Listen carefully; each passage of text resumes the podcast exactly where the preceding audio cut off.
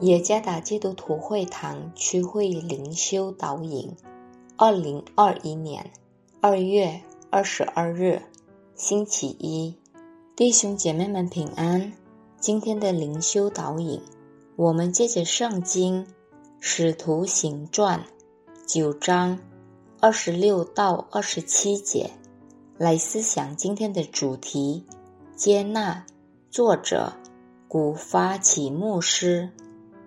使徒行传九章二十六到二十七节，二十六节，扫罗到了耶路撒冷，想与门徒结交，他们却怕他，不信他是门徒，唯有巴拿巴接待他，领去见使徒，把他在路上怎么看见主。主怎么向他说话？他在大马色怎么奉耶稣的名放胆传道，都述说出来。霍华德·亨德里克斯是来自一个破碎的家庭。他出生前，他的父母就已经离婚了。他们都没有关心过他的属灵生活，他们不在乎他。他说。我火死或下地狱，可能都没有任何人会关心，但有一位名叫沃尔特的会有关心。沃尔特渴望为了基督能够影响到他的教会团体，包括亨德里克斯。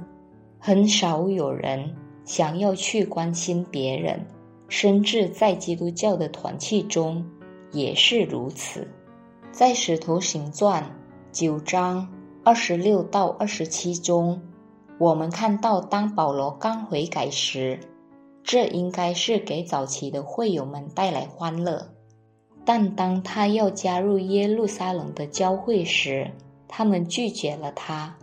他们不相信他已经成了耶稣的门徒。圣经记载说，他们怕他。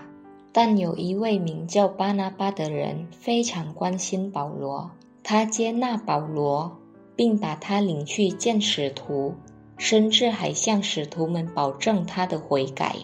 接纳是对于基督徒想要把良善传达给别人的重要钥匙之一。这个行为也是引导别人的信心成长的钥匙之一。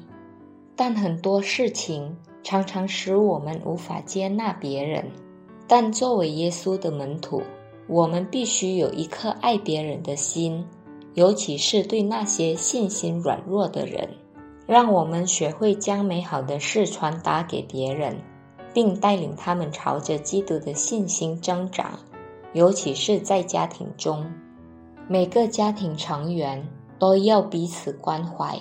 互相接纳彼此的优点和缺点，甚至能够引导其他的家庭成员来更爱上帝。接纳是属灵指导的钥匙之一。